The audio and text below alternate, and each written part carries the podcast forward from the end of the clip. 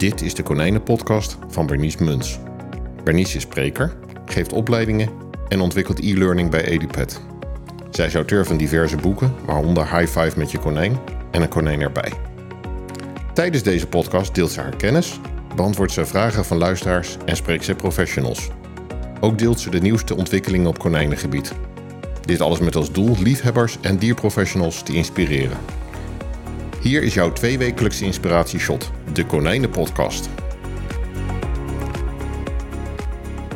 Welkom, fijn dat jullie luisteren. Vandaag bespreken we het onderwerp ecuniculi, oftewel EC. EC is echt een nare ziekte en het is misschien goed om te weten dat een studie uit 2006 door Kiebel en Shaw heeft uitgewezen dat 52% van onze konijnen drager zijn en geen klinische signalen laten zien. Kortom, het is gewoon goed om hier meer over te weten als professional of als dierliefhebber. Wat is het? Hoe kun je het herkennen? Wat kan je verwachten? En ook, wat kun je zelf doen? Nou, gelukkig is dierenarts Fred van der Kolk bereid om dit onderwerp toe te lichten. Fred, ik ben erg blij dat je er bent. Fred maakt deel uit van de werkgroep Konijn, een werkgroep bijzondere dieren van de Universiteit van Utrecht. Uh, daarnaast is hij konijnkundig dierenarts en iemand die welzijn voor kleine zoogdieren enorm hoog in het vaandel heeft staan. En ik ben dan echt super blij ook dat hij er is. Fred, welkom. Hallo, Bernice. Heb jij misschien nog iets toe te voegen op, je voor, op, op het voorstellen van jou? Uh, nou, ik ben uh, sinds een aantal maanden gestopt met klinisch werkzaamheden. Ik ben dus pensionado, maar mijn tijd is gevuld met het geven van onderwijs en nascholing. En daar horen eigenlijk dit soort activiteiten, als wat ik nu met jou doe, ook bij. Ik vind het ook leuk om te doen. Ah, dat is altijd fijn om te horen. Nou, dan gaan we lekker aan de slag. Kun jij mij misschien vertellen wat EC is? EC is een, een infectieziekte. De E staat voor encefalitozoon. Dus de officiële naam is Encephalitozoon cuniculi. En Encephalitozoon uh, cuniculi is ook de naam van de parasiet. Zowel de, naam, de ziekte als de parasiet hebben dezelfde naam. Mm-hmm. En het is een eencellig organisme die de ziekte veroorzaakt. Uh, het is een microsporidium. En dat is eigenlijk een vorm van een parasitaire schimmel. Een eencellige schimmel die parasitair leeft. Zodanig uh, verplicht parasitair. Hij heeft geen eigen uh, energievoorziening van de cel. Dus hij mm-hmm. moet uh, gebruik, of in ons geval misbruik maken van de energievoorziening van cellen van een, wat wij dan noemen een gastheer of vrouw. Hè? Of dier dan. Uh, bijvoorbeeld het konijn is een gastheer voor uh, de EC-parasiet. En uh, die parasiet die komt dan op de een of andere manier het lichaam binnen en die, die vermeerdert zich in de cellen van die gastheer, omdat hij zelf dat niet kan. Oké, dus een heel kort uitgelegd een eencellige parasitaire schimmel. Ja, klopt. Okay. Bij EC spreken we vaak van een acute fase, maar ook van een chronische fase. Kun je daar misschien wat meer over vertellen? Um, nou, eigenlijk alle ziektes hebben acute en chronische fases. Um, um, een acute fase kenmerkt zich door acuut eigenlijk heftige klinische verschijnselen. Mm -hmm. En misschien komen we er straks op hoe dat gaat. En de chronische fase is eigenlijk een, een, een langere periode met weinig of geen klachten zelfs. Uh, jij had het al over dat onderzoek. Uh, ik vond het leuk dat jij dat deed, anders had ik het gedaan. Sorry. Ik heb zelfs uh, getallen dat 70% van de konijnen geïnfecteerd zou zijn of zou zijn geweest. Mm -hmm. En dat betekent, aangezien niet 70 van onze konijnen ziek zijn, betekent dat dus een, een heleboel uh, wat wij noemen symptoomloze dragers rond moeten lopen. Ja, die dus geen klachten vertonen, maar wel ja. de parasiet bij zich dragen. Ja, maar dat is niet de chronische fase. De chronische fase is eigenlijk de fase na de acute fase. Betekent dat dat um, konijnen die EC hebben niet meer beter worden? Is dat het? Sommige wel, sommige niet. Okay. Um, er komt een, uh, die, die EC is dan een, uh, uh, een, een, invasief organisme dat in jouw lichaam komt. En dan kan jouw lichaam maar één ding op doen, dat is de afweer tegen maken. Mm -hmm. En als die afweer voldoende is, dan raak je de parasiet kwijt. Als die afweer net onvoldoende is, dan verhinder je die parasiet zich te vermeerderen, maar je raakt hem niet kwijt. Oké. Okay.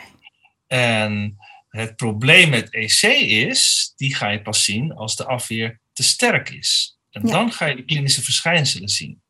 Oké. Vooral dus als hij te sterk is. Ja, Dat is eigenlijk een beetje wat er ook met, met eh, corona is gebeurd.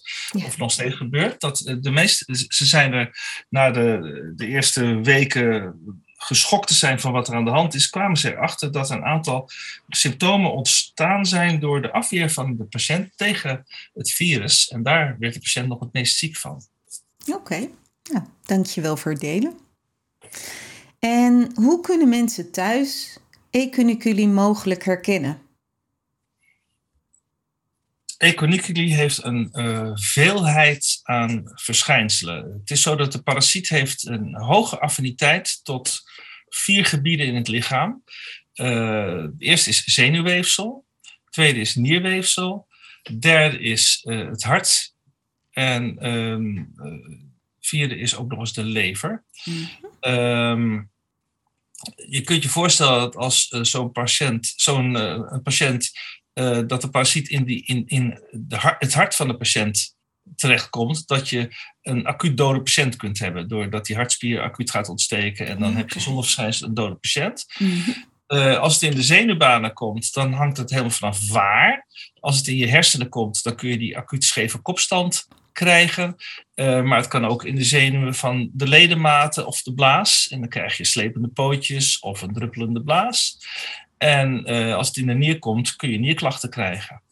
Ja.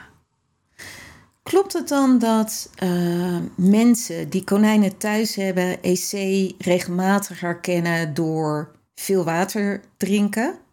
Door de ogen die op en neer gaan, uh, boven en onder, links, rechts of cirkeltjes. Misschien een keertje misspringen of een scheve kop. Zijn dat de meest ja, laat ik zo zeggen, gebruikelijke symptomen dat mensen EC herkennen? Klopt dat? Dat, dat zijn uh, verschijnselen die bij EC passen, die geen, op, niet, geen van elk van die verschijnselen zijn uh, bewijzend voor EC. Uh, je hebt een scheve kopstand, dat kun je ook krijgen door middenoorproblemen. je kunt urine verliezen door te persen op een blaassteentje. Uh, het is vooral de en, en uh, die oog uh, heen en weer, dat past wel duidelijk bij iets neurologisch in het hoofd. Maar het is vooral de combinatie van dingen die de verdenkingen op EC heel sterk maken. Ja, en veel drinken, veel plassen, dat past bij nierfalen. Ja. En een scheve kopstand, dat wordt heel toevallig als je twee verschillende ziektes hebt. Ja.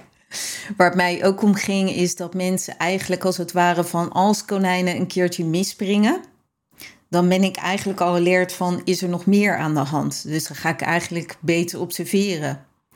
Als een konijn meer water drinkt, dan ga ik ook beter observeren. Dat soort zaken. Ja. En ik denk dat dit de makkelijke dingen zijn waar mensen in elk geval EC aan kunnen herkennen. Ben je het daarmee eens? Ja, ja dat is uh, waar. Uh, het kan alleen ook een stuk vager zijn. Want uh, stel dat die parasiet in je zenuwstelsel zit, dan kan het ook tot doofheid leiden. Ja, en dat merk je niet zo snel aan een konijn. Zeker Nee. niet als je nooit met het konijn praat. Uh, hè, vage gedragsveranderingen kunnen er ook door uh, ontstaan.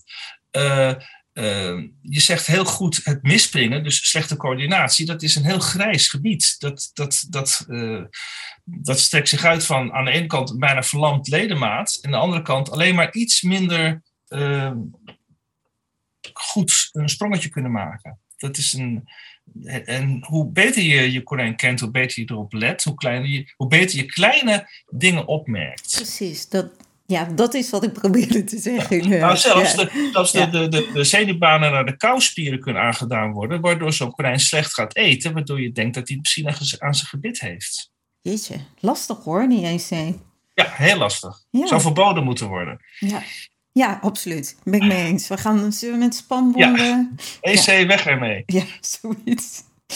Hey, als uh, gedragstherapeut ben ik natuurlijk nieuwsgierig. Je zegt vage gedragsveranderingen.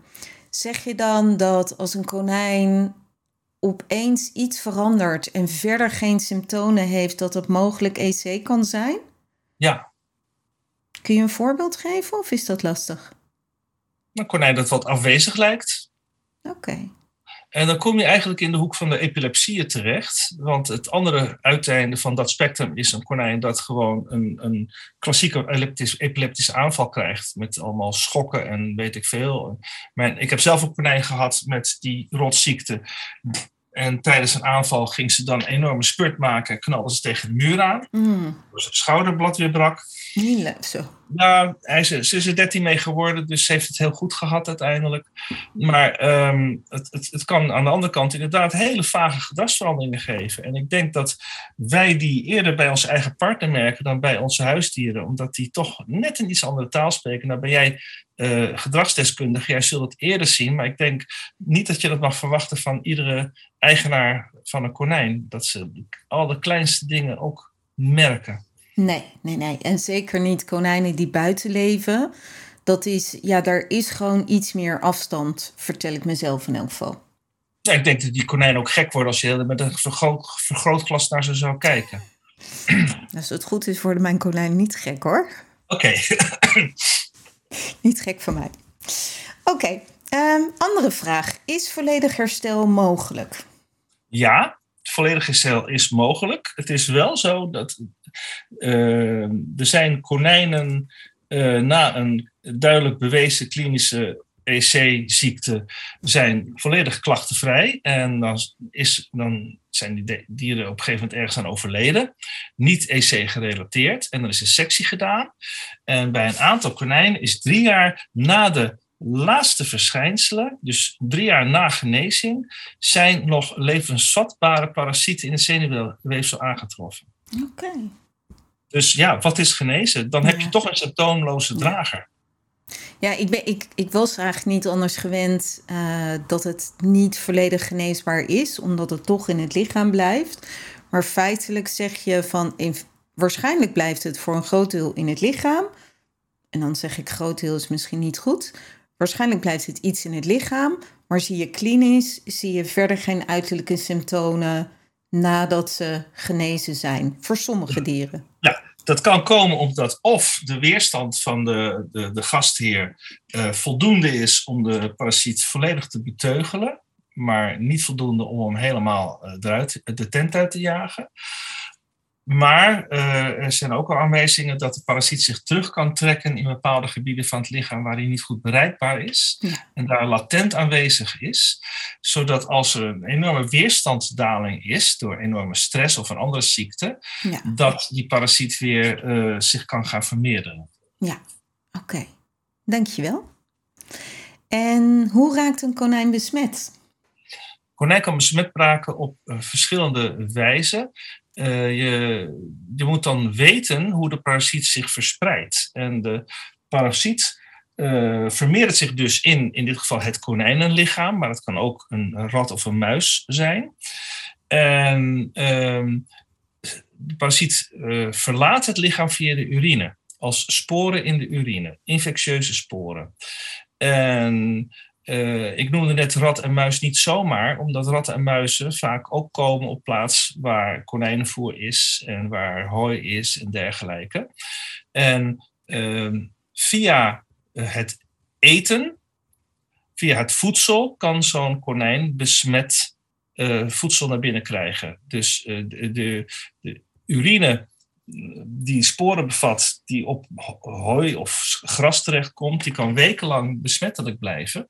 Mm. En zelfs als hooi dan als gevaarlijke voeding dienen.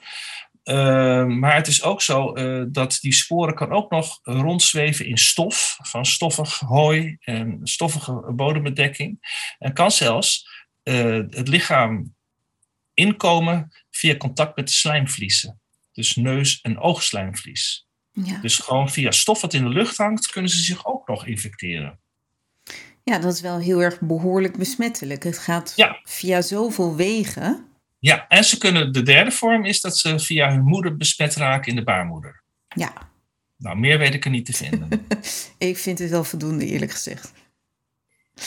Oké, wat, stel voor, jij bent nog werkend dierenarts. Uh, er komt een konijn binnen, jij denkt EC. Wat zijn dan dingen die je gaat doen uh, medisch, zeg maar? Ik ga eerst uh, de eigenaar proberen te overtuigen van het grote nut om objectief te laten vaststellen of het EC is en in welke fase. Dus ik, er is heel goed onderzoek te doen op een halve milliliter bloed en een halve milliliter urine. Mm Dan kun je, uh, de, de, parasiet verraadt zich uh, door de antistoffen die het lichaam aanmaakt tegen de parasiet. Er zijn twee soorten antistoffen. De ene antistof komt met een paar weken al tot expressie in het bloed. En de andere, en die is met een paar weken later, is die weer weg. En een andere antistof, uh, die komt ongeveer gelijk opzetten, maar wat langzamer. En die blijft veel langer circuleren in het lichaam waarmee de parasiet zich verraadt. En eh, als je dan die ene antistof in hoge mate vindt en die andere niet, dan weet je dat je een acute infectie hebt. En andersom weet je dat er een langer, uh, langer bestaand probleem is. Bovendien is het DNA van de parasiet aan te tonen in het bloed en in de urine. Mhm. En die vier verschillende uh, getallen die je krijgt, die geven een aanwijzing van of hij EC heeft en zo ja, Ehm, of je nog besmettelijk is voor andere konijnen en hoe lang het al is en hoe lang het nog gaat duren. Hmm.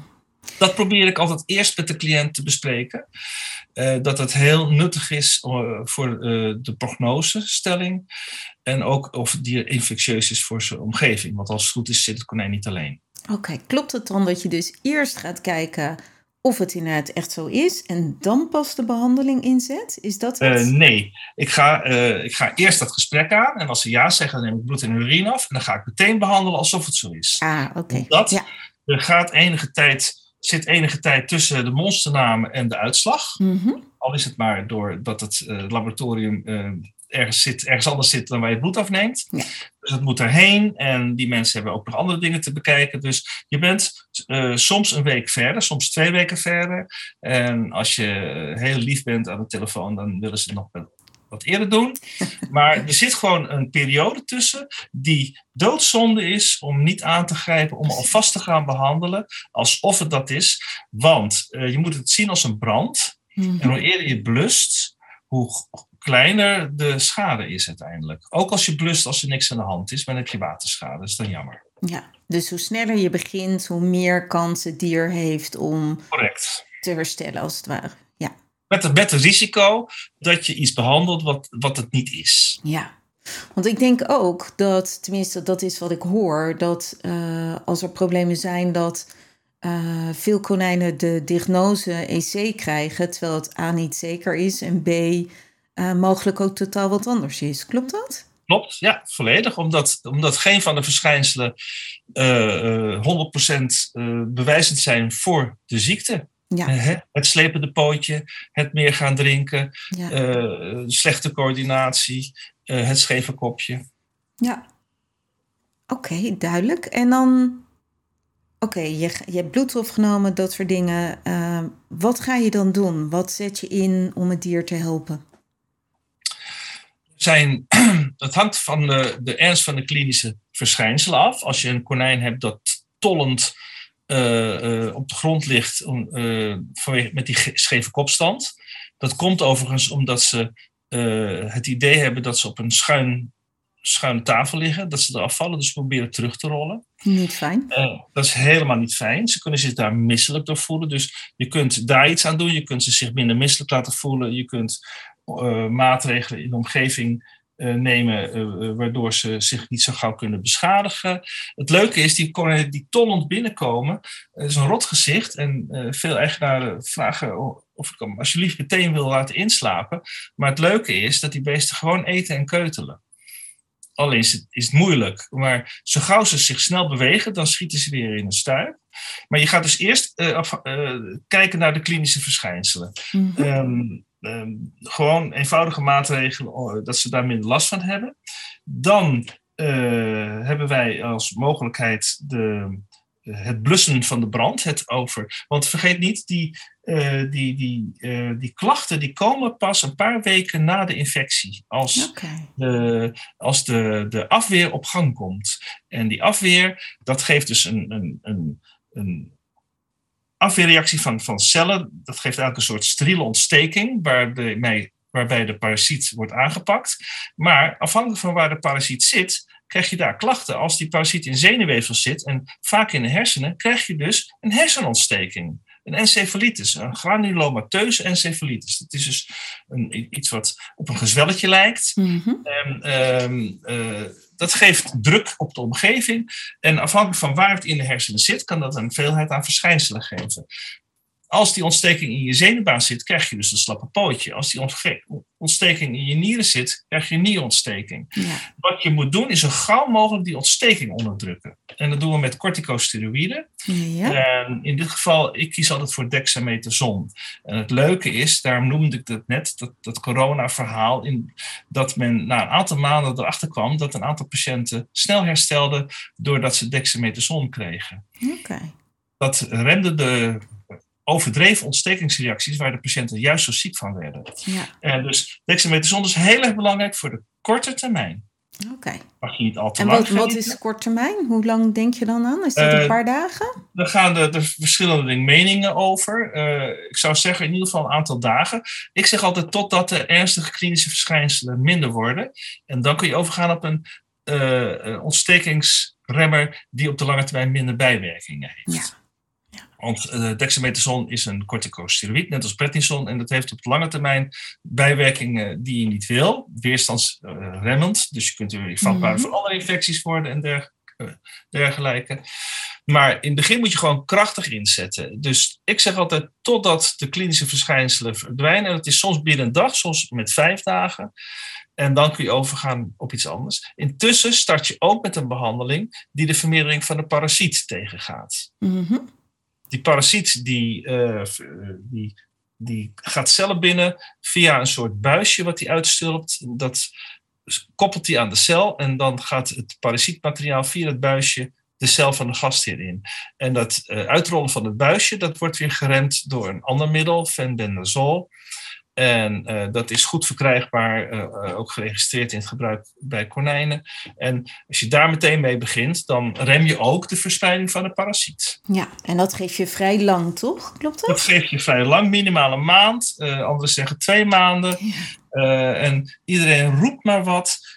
Ook mijn meest ge- gewaardeerde collega's. we roepen allemaal maar wat, omdat we allemaal teren op onze eigen ervaring. Ja. En er is nooit echt goed onderzoek gedaan naar hoe lang wat eh, het beste werkt. Ja, laten we hopen dat er eh, meer onderzoek naar komt en meer duidelijkheid uiteindelijk ook komt. Gaarne. Ehm, vitamine B-injecties, wordt dat nog gegeven? Het wordt, het wordt gegeven. Er zijn ook eh, dierartsen die antibiotica geven. Ehm, eh, vitamine B-injecties, dat omdat vitamine B nuttig, behulpzaam zou zijn bij eh, zenuwschade. Dat het eh, ehm, zelf eh, denk ik dat het in, de marge werkt. Als het. Ja. En zeker niet op de korte termijn. Op de korte termijn moet je gewoon die brand bestrijden. Ja, En je hebt een, een konijn, vitamine B-injecties zijn behoorlijk pijnlijk overigens. ja, dat hoor je. Ja, en eh, je, hebt een, je hebt een patiënt en die moet je zo min mogelijk eh, medicijnen geven, waarvan je niet zeker weet dat het dat doet. Je valt al al lastig met eh, eventueel moet zorgen dat ze niet uitdrogen. Eh, je moet die dexamethason geven. Je moet die fenbendazol geven. Ja, Dus het is ik- best intensief ook, hè? Heel intensief. maar Ja. Het hangt van de ernst af. Ja, Maar eh, ja, je moet op alle fronten inzetten om te voorkomen dat als het echt die ziekte is, wat je nog niet zeker weet, ja. dat de schade beperkt blijft. Oké. En Serenia, tegen dat eh eh, Ja. rond, eh, is dat nog wat of niet? Ja, maar maropitant, hè, dat is de Ja. werkzame stof, want er zijn nog andere merken die die stof bieden. Dank je wel. Ja, maar dat, daarom noemde ik ook, als we heel erg tollen, kunnen we iets geven tegen de misselijkheid. En dan denk je aan die maropitant. Eh, dat is eh licht ontstekingsremmend. Het remt ook nog wat eh, pijn. En het is het, het, doet iets tegen het misselijke gevoel wat die konijnen waarschijnlijk hebben. Ja. De ervaring is overigens niet dat het is alsof je een knop omdraait. Oké.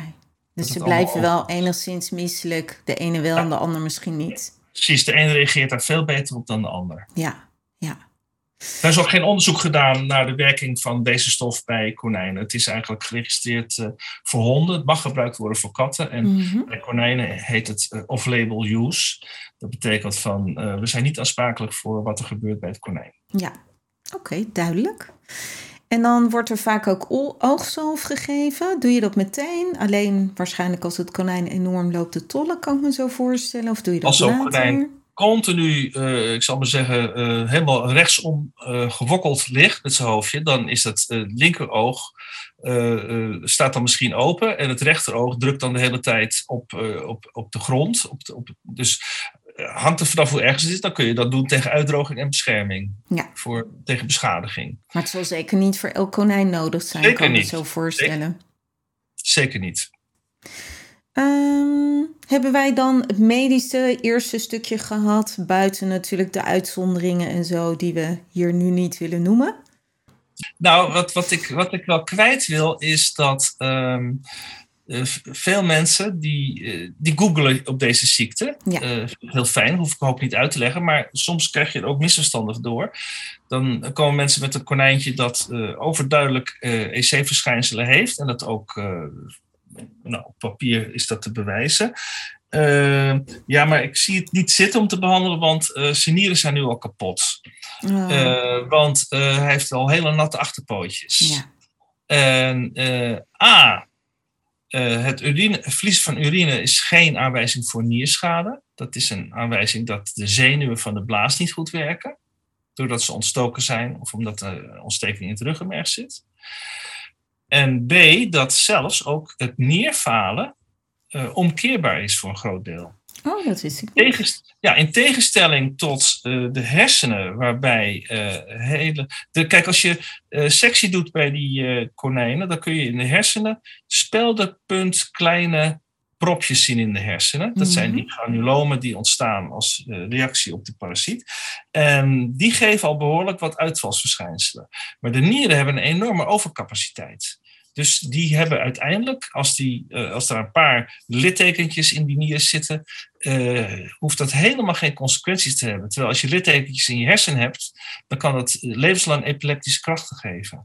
Okay. Dus die nieren, die, die, die, die konijnen die, waarbij de EC in de nieren zat, die kunnen daar in ieder geval klinisch uh, 100% van herstellen. Oh, wat mooi om te horen. Nou, fijn. Ik noemde er net ook echt van uh, of een konijn ook weer beter kan worden omdat ik me zo kan voorstellen dat in die eerste fase mensen zich echt machteloos voelen. Die kop die mogelijk scheef staat, die ogen die heen en weer bewegen of wat het dan ook is. Um, dus ik vind het heel fijn dat we dit noemen. Ook over die uh, nierfalen die on, omkeerbaar kan zijn. Zodat ja. mensen ook nog iets van hoop hebben. Ja, het is, ik moet je echt zeggen, het, uh, sommige konijnen komen echt vreselijk binnen. Ja. Die, die liggen echt te tollen uh, om een as, maar dat komt gewoon omdat ze denken dat ze op een tafel liggen die scheef gehouden wordt. Ja. Uh, daarom gaan die ogen ook heen en weer. Iedere Ja. keer gaan ze, proberen ze weer een nieuw punt te pakken, terwijl ze denken dat de wereld om hen heen draait. Ja. Alsof je naar bomen kijkt vanuit de trein. En het is wel zo als een konijn echt heel erg aan toe is en binnen 48 uur is er geen procent verbetering zichtbaar, dan ben ik ook wel geneigd om te zeggen van nou, ik weet niet of dit goed gaat komen. Ik kan het het konijn niet aandoen nog een week zo door te gaan. Dus Ja.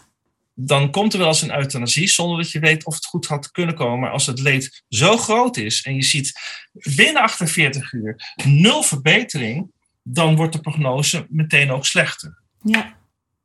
En zeker als dat konijn, eh, denk ik dan, niet eet, niet drinkt, dat soort dingen. Precies. Toch? Maar ik probeer altijd uit te leggen, dit die heeft geen pijn. Ja. Die, dat heeft gewoon het gevoel dat hij in een centrifuge zit. En geef hem alsjeblieft 48 uur de tijd. Oh, ik word blij van je, van je bericht. Het is natuurlijk niet leuk, die 48 uur. Maar het is wel heel zwart-wit. En het geeft mensen hoop en ook een stukje duidelijkheid, denk ik zo. Ja, wij komen dit, dit, symptoom ook tegen bij honden. Dat is dan het geriatrisch vestibulair syndroom. Dat is het acuut uitvallen van een van beide evenwichtsorganen. En die honden komen net zo binnen. Helemaal scheve kop, tollend, ook daarvoor geldt dat uh, uh, meestal binnen 48 uur de verschijnselen verbeteren en dat ze binnen twee weken bijna weer normaal kunnen lopen. Zonder therapie overigens, want ja. daar is geen oorzaak van bekend. Ja. Maar ook die mensen die smeken soms om een euthanasie, terwijl ik weet dat als ze niks doen, dat het beestje twee dagen later weer gewoon uh, op straat loopt. Ja, maar dat dus, zien die mensen niet, omdat ze nee. zo hopeloos en zo machteloos zijn, dat ja, ze dat niet kunnen voorstellen. Ja, en heel veel liefde voelen voor zo'n diertje. Uh, dat ze dus zelf het lijden voelen, wat het beestje nog erger het lijden voelen dan dat het beestje het heeft. Ja. Oké. Okay, um, ik ben gewoon heel blij dat we dit gewoon noemen. Dus er is hoop, mensen. Er is hoop. Het misschien geen garantie. Nee, ge zeker geen garantie. Nee. Want we overlijden zeker ook konijnen aan. Absoluut. Ja, wat, mijn, wat ik me nog even bedacht is... Um, die 48 uur, heb jij dan al die bloedtest meestal terug of niet? Nee. Nee. Nee, nou er zijn dus een aantal gevallen dat ik het lab even bel. Ik heb een goede band daarmee. Dat ik zeg van god, ik heb nu een, een heel speciaal geval. Kun je, kan je het zo inpassen? En dan kunnen ze niet alle vier de waarden al noemen, maar dan, dan geven ze de belangrijkste, kunnen ze soms binnen 48 uur al noemen. Oké, okay, ja. Dat is dan maatwerk. Ja. Dat kun je niet bij iedere patiënt doen, want dan komen ze niet meer aan het werk. Nee, dat snap ik. Oké. Okay. Volgend onderwerp. Wat kunnen wij thuis doen als liefhebber? Als, wat kan een professional mensen meegeven als je een EC-patiëntje hebt? Hoe bedoel je wat, wat meegeven? Uh, wat kunnen mensen thuis doen? Bijvoorbeeld warmte. Ik denk dat buitenkonijnen naar binnen gehaald moeten worden. Dat soort zaken. Dat hangt dus helemaal vanaf wat de klachten zijn. Mm -hmm. En, uh, kijk, de, de, we hebben net met elkaar afgesproken dat de ergste klachten hooguit 48 uur mogen duren. De, de, de, de crisissituatie. Maar wat uh, Oké, okay, je hebt een konijn waarvan vastgesteld is dat hij EC heeft. Mm -hmm. Doe je dat? Ja, en, dat klopt. Uh, TLC. ja, absoluut. Uh, en geef de medicatie in, zoals de dierarts ja. heeft voorgeschreven. Ja. En ik kan me ook zo voorstellen dat zeker die torticollis, die scheve kop en dergelijke, dat je daar echt handdoeken op de grond legt, op de vloer, op de kooi of waar je hem ook hebt. En dat je die handdoeken misschien oprolt dat als dat dier toelt, dat je, weet je, voorkomt dat hij zich verder beschadigt. Ja, en niet, uh, niet naast de vijver leggen. Ja. En niet naast de open haard leggen. Nee, dat is dus inderdaad, uh, ja. Ja, hele eenvoudige fysieke maatregelen. Ja, de Zachte partner. bedding. Ja, De partner, eh, ja, de partner die, die zal denken, wat is er aan de hand? Maar die, eh, die ja, goed, jij bent eh, daar meer in thuis dan ik. Eh, maar ik, ik, ik heb zelf, ik zie natuurlijk ook wel zo'n setje komen dan. Eén tollertje en één die er gewoon naast zit. En die zit een beetje om zich heen te kijken. Ja, die partner overkomt het ook natuurlijk. Maar ik heb het gevoel dat die partner zich minder druk maakt dan wij. Ik weet niet wat jouw ervaring is. Eh, zo vaak heb ik niet klanten gezien. Ik heb het wel in de opvang gezien waar ik vroeger les gaf. Maar daar waren de partners zeg maar vaak niet bij. Dus dat kan ik je niet vertellen. Nee. En vaak zijn die partners, ja, je weet niet wat er in het kopje eh, omgaat natuurlijk. Ja. Maar die moeten er ook maar mee dealen. Net zo goed als, ja, er komen ook konijnen bij mij overleden binnen. Dan zit die partner ook naast. Ja, en ook die kan heel heen. stoïcijns soms zijn. Ja, precies. Ja, ik denk in elk geval, en ik ben benieuwd of jij anders denkt, Fred, is dat je de partner niet moet weghalen van dat konijn. De, de ziekte, de, de partner zal die ziekte inmiddels ook hebben, of in elk geval drager zijn. Hij zal dus ook behandeld moeten worden, maar ik zou ze niet scheiden. Ben je het daarmee eens of niet? Alle stressfactoren moet je vermijden. En eh, dit is een zinloze eh, stressfactor om ze te scheiden. Eh, je zegt, je kunt aannemen dat die partner het al heeft. Sterker nog, die partner kan zelfs de oorzaak zijn. Dat partner kan een symptoomloze drager zijn. En eh, degene die nu acuut ziek is, dat kan een konijn zijn dat er eh, kort geleden bijgekomen is. Oké, ja. Ja, En Dat is het leuke van het bloedonderzoek. Dan kun je namelijk ook bij de partner aan de verhouding van die twee antistoffen zien of de partner een chronische eh, drager is. Of dat die ook in een hele acute fase zit. oh, dat is ook een goeie. Daar had ik niet over nagedacht. Dankjewel. En ik denk dat je buiten konijnen binnenhaalt als ze gewoon behoorlijk ziek zijn, want dan kunnen ze zelf niet warm houden, toch? Nou, kijken we ook, ook vanuit jaargetijden. Ja. Dus uh, dat is maatwerk. Ja. Ik denk dat uh, nu zou ik het doen, ja, maar in, uh, in, in de zomer denk ik van nou, dat is ook weer stress om zo'n beest naar binnen te halen. Zeker. Zeker. Nee, maar goed, als hij een paar keer per dag medicatie moet hebben, dan uh, ja, het is maatwerk. Je moet gewoon kijken wat het beste uh, is in die situatie. Fijn dat je dat zegt, dankjewel. Uh, sommige konijnen die zullen niet eten, die eerste fase in elk geval. En die zul je dus moeten dwangvoeden of zachte dwangvoeding balletjes maken of eten laten opslobberen. Zoiets? Ja, de meeste konijnen eten, eten wel, proberen te eten. In ieder geval die, die collis konijntjes proberen te eten. Um, uh, maar inderdaad, als, zolang ze keutelen, uh, weet je dat ze eten naar binnen krijgen. Ja. Dus als een konijn mooie keutels maakt en uh, het, het, lukt met wat aanpassing om die brokjes gewoon te laten eten, dan liggen ze gewoon scheef te eten. Alleen dan moet je niet in handen klappen, want dan gaan ze weer rollen. Uh, maar waar nodig is, moet je een konijn altijd uh, dwangvoeden, dat klopt. En ik doe dat dan het liefste met een pasteuze voeding via een injectiespuit zonder naald in de mond. Ja. Dat gaat vaak vrij makkelijk. Uh, het is ook zo dat als zo'n konijn op het randje zit, dat hij weer uh, een aanval gaat krijgen, dan moet je ook zorgen dat hij niet te hard hoeft te, te kauwen ergens op. Want het, het klappen van het kaakje kan zelfs een epileptische aanval opwekken. Oh. Okay. Dus zo min mogelijk prikkels. Ja, ja, zo min mogelijk stress, zo min mogelijk prikkels. Ja. ja. ja. Dat hoort bij TLC, vind ik. Ja, zeker, zeker. Maar dat is voor jou misschien heel duidelijk, maar laten we het ook ja, gewoon nog een keertje vertellen.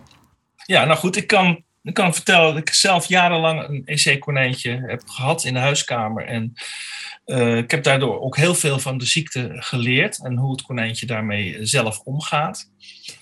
En um, goed, dit is dan één konijn. Een ander konijn zal een ander beeld vertonen. Maar dat is, het is allemaal maatwerk. Maar uh, met vrij eenvoudige maatregelen kun je zo'n diertje goed helpen. Oké, nou fijn om te horen.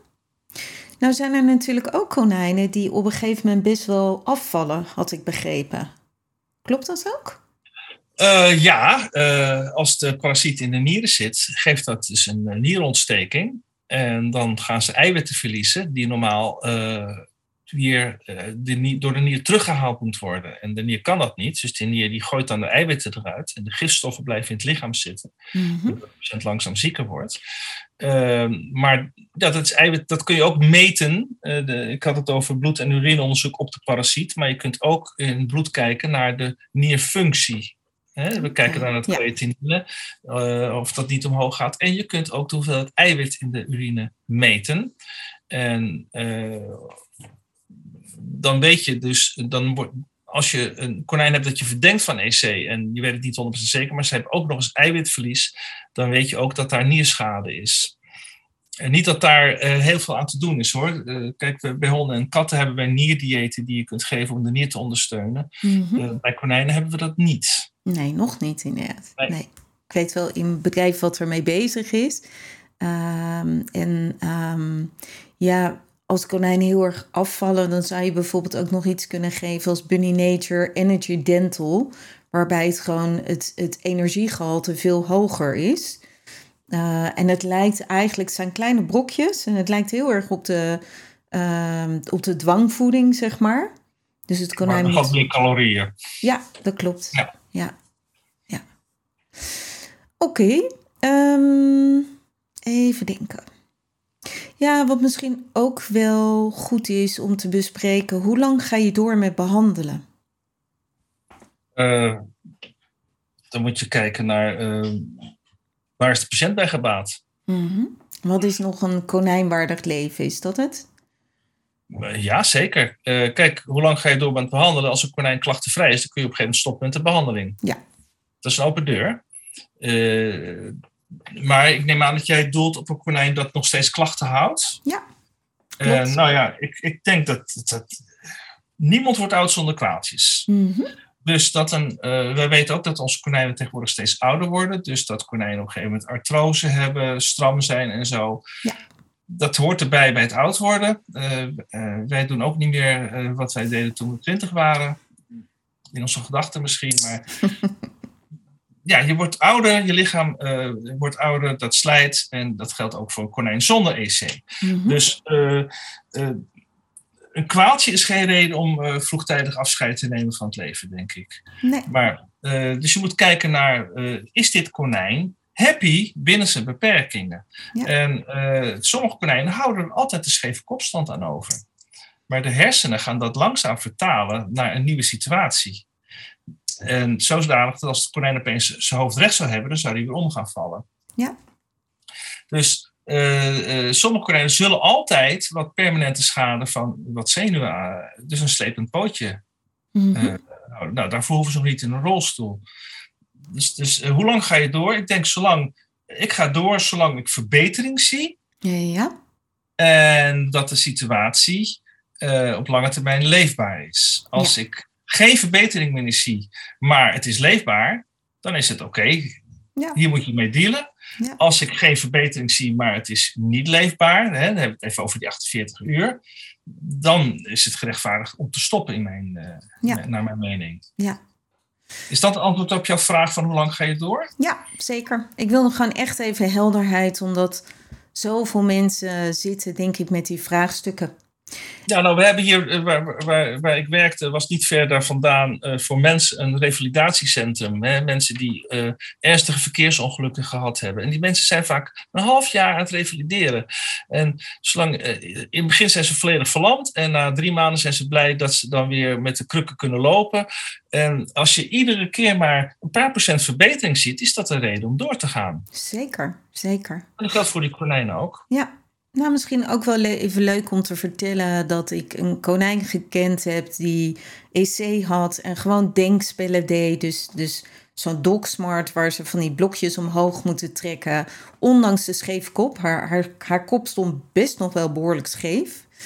Uh, dat we ook hebben gewerkt met uh, het sturen. Dus dat we wat lekkers voor de neus hielden. En, en te zorgen dat ze gewoon in beweging bleef. En, en gewoon ook nog wat flexibeler eigenlijk werd. Um, ik hoor soms dat mensen naar acupuncturisten gaan of T-touch of dat massage nog verlichting kan geven. Fysiotherapie zijn denk ik allemaal mogelijkheden waarmee je konijnen op een later moment wat nog kan ondersteunen. Heb jij oh, je zei dat, nou, ja? je zei dat, dat konijn dat, dat, dat denkspelletjes deed en ja. uh, met blokjes, ondanks een scheve kop stond. Maar voor dat konijn stond de kop niet meer scheef. Ja, precies. Ja, ja. Ja, mooi. Mooi ook om te horen, denk ik zo. Ja, nou je hebt ook mensen die hebben uh, ernstig trauma en die liggen dan uh, plat, helemaal plat en hebben dan prismabrillen. Dat zijn brillen waarmee ze, terwijl ze naar het plafond staren, toch recht vooruit kunnen kijken. Die mm -hmm. kant op het beeld. Als die mensen na maanden opeens een gewone bril op hebben, dan zijn ze helemaal in de war.